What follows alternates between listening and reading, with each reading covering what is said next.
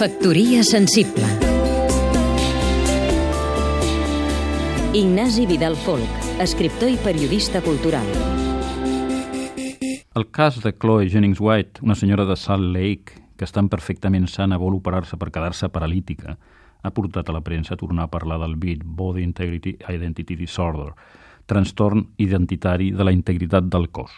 Els que pateixen aquesta estranya malaltia de vegades en tenen prou en portar pròtesis ortopèdiques que en realitat no necessiten per a res, o seuen tan sovint com poden en cadira de rodes, però el seu més ardent desig és quedar-se amputat, paralític, invàlid o sec. La causa d'aquesta malaltia pot ser un defecte en el sistema nerviós que impedeixi al cervell tenir una percepció nítida del cos, veure'l en la seva integritat.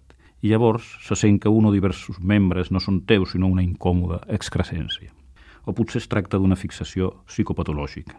En la seva infància, en la seva infantesa, el malalt de Bid es va fixar en algú a qui admirava i que patia una invalidesa i a partir de llavors el va prendre com un model amb el qual mimetitzar-se també en allò físic.